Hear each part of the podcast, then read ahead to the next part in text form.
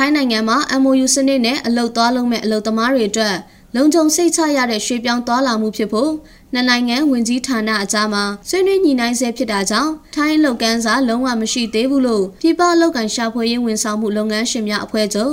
MOEAF ကပြောပါရယ်ထိုင်းလုပ်ကန်ရှာဖွေရေးညွှန်ကြားရေးမှူးချုပ်ဖိုင်ရိုကထိုင်းနိုင်ငံမှာလုံသားရှားပါမှုပြဿနာကိုအချိန်မီဖြေရှင်းနိုင်ရေးအတွက် ပြီးခဲ့တဲ့ဒီဇင်ဘာလ၁ရက်နေ့ကစပြီးမြန်မာ၊လာအို၊ကမ္ဘောဒီးယားသုံးနိုင်ငံမှအလုပ်သားတွေကို MOU စနစ်နဲ့ခေါ်ယူဖို့အလုပ်ခေါ်စာစတင်လက်ခံထားပြီးဖြစ်တယ်လို့ထိုင်းအခြေစိုက်သတင်းဌာနတွေမှာရေးသားထားပါတယ်။ဒါကြောင့်မြန်မာ၊လာအို၊ကမ္ဘောဒီးယားသုံးနိုင်ငံမှလုံသားခေါ်ယူလိုတဲ့အလုပ်ရှင်တွေအနေနဲ့ quarantine အတွက်ဇရိတ်တာဝန်ယူနိုင်ရင်အလုပ်သမားရှာဖွေရေးဦးစီးဌာနခရိုင်လောက်ကင်ရှာဖွေရေးယုံမြို့တော်ဘန်ကောက်အတွင်းရှိအလောက်ကင်ရှာဖွေရေးယုံ၁၀ယုံမှာအလုပ်ခေါ်စာတင်နိုင်တဲ့အကြောင်း ညွှန်ကြားရေးမှူးချုပ်ဖိုင်ရိုကပြောပါရယ်။ကွာရန်တင်းနေရအချိန်ကာလနဲ့ကျန်းမာရေးအာမခံရွေးချယ်မှုပေါ်မူတည်ပြီးလူသားတယောက်အတွက်ခေါ်ယူစရိတ်ကဘတ်11490မှ24250ကျားရှိနိုင်ကြောင်း2021ခုနှစ်ဒီဇင်ဘာလ20ရက်နေ့အထိရရှိထားတဲ့အချက်လက်တွေအရမြန်မာ၊လာအို၊ကမ္ဘောဒီးယား၃နိုင်ငံမှလုံသား3295ဦးခေါ်ယူဖို့အလုတ်ခေါ်စာ255ခုတင်ထားတဲ့အကြောင်း ထိုင်းလောက်ကန်ရှာဖွေရေးညွှန်ကြားရေးမှူးချုပ်ကပြောပါရယ်မြန်မာလုံသမားဝင်ကြီးဌာနနဲ့ထိုင်းလုံသမားဝင်ကြီးဌာနတို့အကြား MOU စနစ်နဲ့ထိုင်းနိုင်ငံစီမြန်မာလုံသမားစေလွှတ်မှုကိုပြီးခဲ့တဲ့2012ခုနှစ်အောက်တိုဘာလကစပြီးတရားဝင်စေလွှတ်ပေးခဲ့ကကိုဗစ်ကပ်ရောဂါမတိုင်မီ2020မတ်လ18ရက်နေ့အထိရှိခဲ့ပါတယ်။မြန်မာပြည်မှာကိုဗစ်ရောဂါစတင်ဖြစ်ပွားပြီးနောက် ထိုင်းမြန်မာနယ်စပ်ဖြစ်တဲ့မြောက်ဒီနယ်စပ်ဂိတ်စခန်းကိုပိတ်လိုက်ပြီးနှစ်နိုင်ငံကြားတရားဝင်အလုပ်သမားစေလွှတ်မှုမရှိတော့တာယနေ့အထိဖြစ်ပါတယ်။ထိုင်းနိုင်ငံမှာ MOU စနစ်နဲ့တရားဝင်သွားရောက်လုပ်ကင်မဲ့အလုပ်သမားတဦးအတွက်ကုန်ကြစရိတ်ကမြန်မာအလုပ်သမားဝင်ကြီးဌာနကသတ်မှတ်ထားတာကမြန်မာငွေကျပ်သိန်းခွဲရှိပြီးထိုင်းမှာတော့ဝက်ပါမစ်နဲ့ဗီဇာကားကအတွက်ကတချို့ကအလုပ်ရှင်တွေကအကုန်ကြပေးခံတာမျိုးရှိသလိုအကုန်ကြမခံရင်ထိုင်းဘတ်3600အထက်ကုန်ကြနိုင်ပါတယ်။ ဒီနှုံထားကကိုဗစ်မတိုင်ခင်ကသတ်မှတ်ခဲ့တဲ့နှုံထားလည်းဖြစ်ပါတယ်။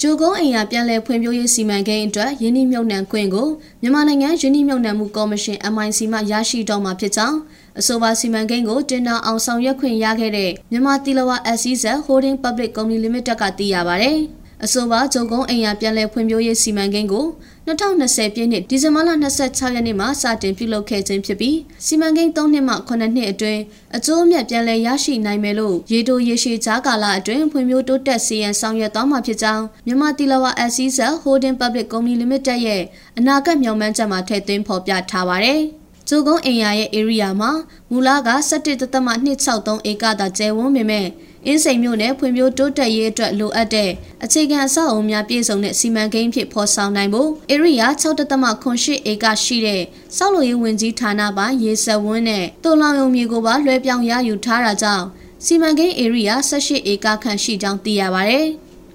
စီမံကိန်းမှာမူလနေထိုင်သူပြည်သူများအား ပြန်လည်နေရာချထားပေးမယ်အိမ်ငန်း63ခန်းပါ10တက်လူနေအိမ်အဆောက်အုံတစ်လုံး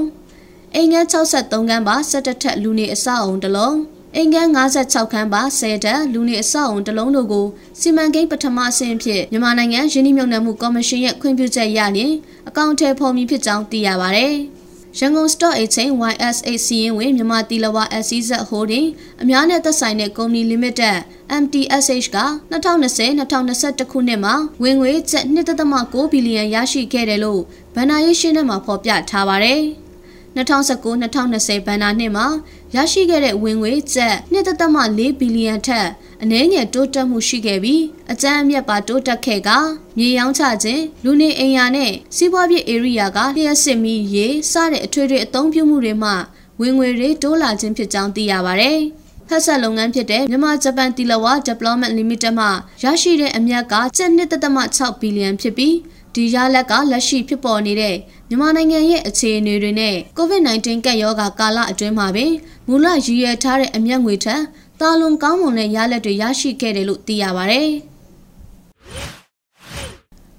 စဘာဈေးကွက်မတည်ငြိမ်မှုများအနည်းနဲ့အများဆိုသလိုရှိပေမဲ့လည်းရွှေဘုံနယ်မှထွက်ရှိတဲ့ပေါ်ဆန်းစဘာဈေးကွက်မှာမူနှစ်စဉ်ကောင်းမွန်ခိုင်မာမှုရှိနေကြောင်းဒေသခံများထံမှသိရပါဗျ။ပေါ်ဆန်းကဈေးကွက်ကောင်းတဲ့အပြင်ဒေသမှာစိုက်ပျိုးတဲ့အခါ အရေးအသေးကောင်းထွက်တာကြောင့်ရွှေဘိုနယ်ကထွက်တဲ့ပေါ်ဆန်းဆိုရင်ဝယ်လက်ကမှာယူမှုများနေပြီးဈေးကွက်ခိုင်မာမှုရှိနေတာဖြစ်တယ်လို့စကိုင်းတိုင်းဒေသကြီးရွှေဘိုမြို့နယ်လိတ်ချင်းကျေးရွာမှပေါ်ဆန်းဘေးကြားစိုက်ပျိုးသူတူကပြောပါရယ်ပေါ်ဆန်းဘေးကြားစပါးစိုက်ပျိုးရာမှာဒေတာတစ်ခုနဲ့တစ်ခုစိုက်ပျိုးနည်းစနစ်နဲ့စိုက်ပျိုးကုန်ကြစရိတ်များမတူညီပဲ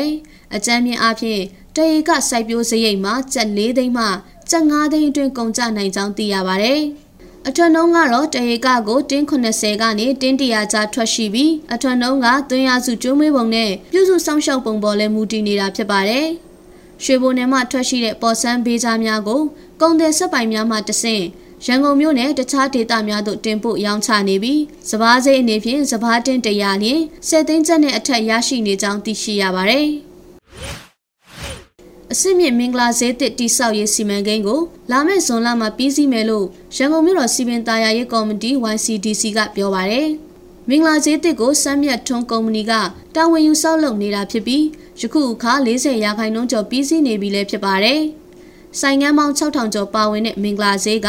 2010နဲ့2016ခုနှစ်တို့မှာနှစ်ကြိမ်တိုင်မီးလောင်ခဲ့ပြီးယခုအခါ YCDC နဲ့ပူးပေါင်းကစမ်းမြတ်ထွန်းကုမ္ပဏီကိုဈေးသစ်တိစောက်ဖို့ရွေးချယ်ခဲ့တယ်လို့သိရပါဗျ။ ဈေးသစ်ဆောက်လုပ်ရေးစီမံကိန်းကို2018ခုနှစ်မှာစတင်ခဲ့ပေမဲ့ COVID-19 ရောဂါဖြစ်ပွားနေချိန်ရန်နာထားရတာကြောင့်သတ်မှတ်ချိန်အမိအပြီးမသက်နိုင်သေးကြောင်းပြောပါရယ်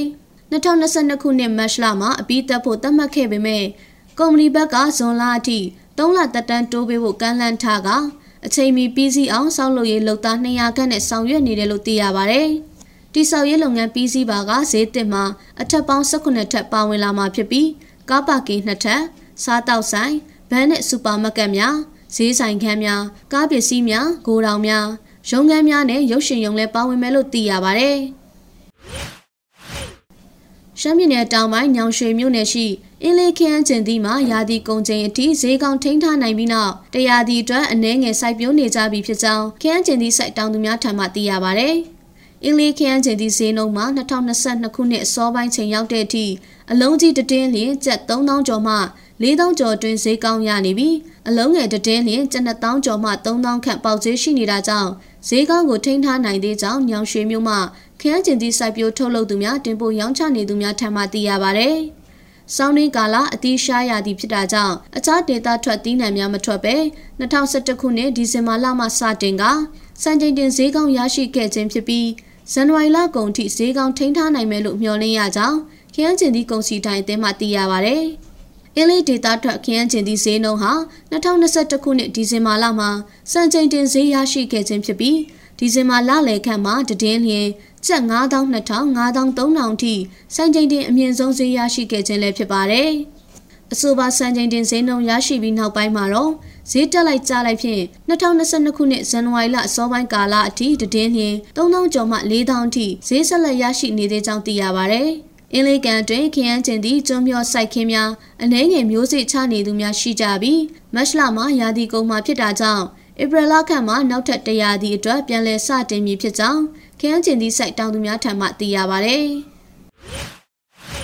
လျှက်စစ်တအားထုတ်လုပ်မှုရောနေကြဆင်းလာတဲ့အတွက်လျှက်စစ်မီသုံးဆွဲမှုများတဲ့အချိန်တွေမှာမီးပြတ်တောက်သွားမှာဖြစ်ပြီးပြည်သူတွေအနေနဲ့လျှက်စစ်ကိုရှော့သုံးဖို့စစ်ကောင်စီလက်အောက်ခံလျှက်စစ်နဲ့စွမ်းအင်ဝင်ကြီးဌာနကကြေညာလိုက်ပါတယ်။ ပုံမှန်အချိန်မှာအမြင့်ဆုံး4200မဂါဝက်လောက်ဓာတ်အားထုတ်လုပ်ပေးနိုင်ပေမဲ့လက်ရှိအချိန်မှာပြည်ပကနေမှာယူတင်သွင်းရတဲ့ဓာတ်ငွေဈေးနှုန်း၄ဆလောက်မြင့်တက်လာတာဖြစ်လို့ဓာတ်အားပေးစက်ရုံတွေကနေ950မဂါဝက်လောက်ကိုမထုတ်လုပ်ပဲရန်နာထားတယ်လို့ဆိုပါတယ်။ ရဲနာကန်းလွန်တန်းငွေစီမံကိန်းမှာလည်းနှစ်စဉ်ပုံမှန်ထိမ့်သိမ်းပြုပြင်တဲ့လုပ်ငန်းစဉ်တွေကိုပြီးခဲ့တဲ့နိုဝင်ဘာလ29ရက်နေ့ကနေအခုဇန်နဝါရီလ6ရက်နေ့အထိလုပ်ခဲ့လို့တဘာဝတန်းငွေဓာတ်အားပေးစက်ရုံတွေကနေ940မဂါဝက်လောက်မထုတ်နိုင်ပဲရောနေနေတယ်လို့ဆိုပါတယ်။တဘာဝတန်းငွေသုံးတဲ့ရေအားလျှက်စစ်ဓာတ်အားပေးစက်ရုံအချို့ကိုလည်းနှစ်စဉ်ထိမ့်သိမ်းပြုပြင်နေတာ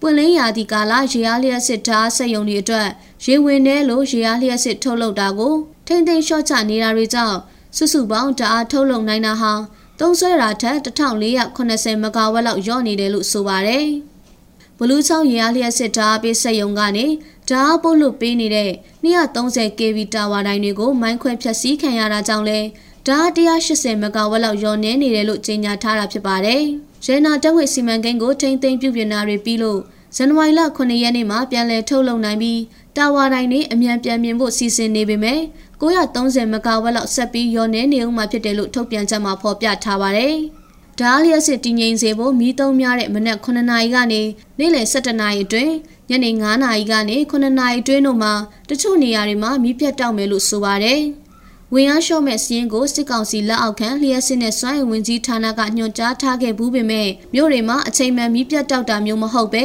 နေ့စဉ်တချို့နေရာတွေမှာမကြာမကြာပြတ်တောက်နေတာဖြစ်ပါတယ်။ နေအားရေအားအပါအဝင်စွမ်းအင်ရင်းမြစ်မျိုးစုံကနေလျှက်စစ်တပ်အားပိုထုတ်လုပ်နိုင်ဖို့စီမံကိန်းသစ်တွေကိုလည်းကြိုးပမ်းဆောင်ရွက်နေတယ်လို့ဆိုပါတယ်။လက်တလုံးမှာရန်ကုန်အပါအဝင်မြန်မာနိုင်ငံအနှံ့မှာလျှက်စစ်မီတွေဇက်တိုက်ပြက်နေပေမဲ့စစ်ကောင်စီကတော့လျှက်စစ်မီတာခတွေကိုလက်နက်ကင်တပ်တွေနဲ့အတူအတမလိုက်ကောက်ခံနေတယ်လို့ဒေတာခန်တွေထံကသိရပါဗျ။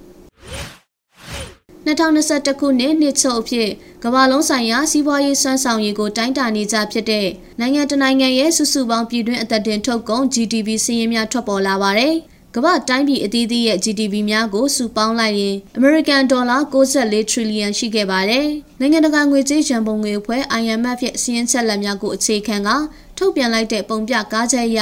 အမေရိကန်ပြည်ထောင်စုတရုတ်ဂျပန်နဲ့ဂျာမနီလေးနိုင်ငံတို့က GDP အလုံးပေါင်းမှာကမ္ဘာ GDP ရဲ့ထက်ဝက်ကျော်ရှိနေပါတယ်။အမေရိကန်ပြည်ထောင်စုတနိုင်ငံရဲ့ GDP ကပင်ကျန်နိုင်ငံ180တို့ရဲ့စုစုပေါင်း GDP ထက်ကျော်လွန်နေတာဖြစ်ပါတယ်။ GDP ကိုအသုံးစရိတ်နီးကုန်ထွက်နီးနဲ့ဝင်ငွေနီးဟူ၍နီလန်၃မျိုးနဲ့တွက်ချက်နိုင်ပါတယ်။2021ခုနှစ် GDP အရ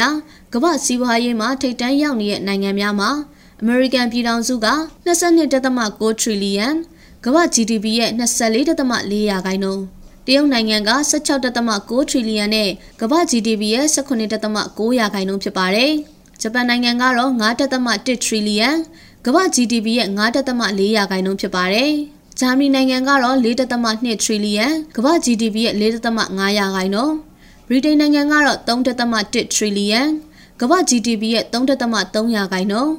အိန္ဒိယနိုင်ငံကတော့2.9 trillion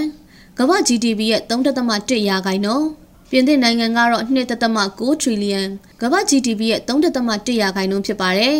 အီတလီနိုင်ငံကတော့2.2 trillion ကမ္ဘာ GDP ရဲ့2.3ရာခိုင်နှုန်းကနေဒါနိုင်ငံကတော့2.3 trillion ကမ္ဘာ GDP ရဲ့2.1ရာခိုင်နှုန်းနဲ့ကိုရီးယားနိုင်ငံက1.8 trillion ကမ္ဘာ GDP ရဲ့1.9ရာခိုင်နှုန်းတို့ဖြစ်ကြပါတယ်။ ဗန်နာရေးအာမခံတဲ့အိမ်ယာမြေလုပ်ငန်းတွေကတိုင်းပြည်ရဲ့အဓိကစီးပွားရေးလုပ်ငန်းတွေဖြစ်ပြီး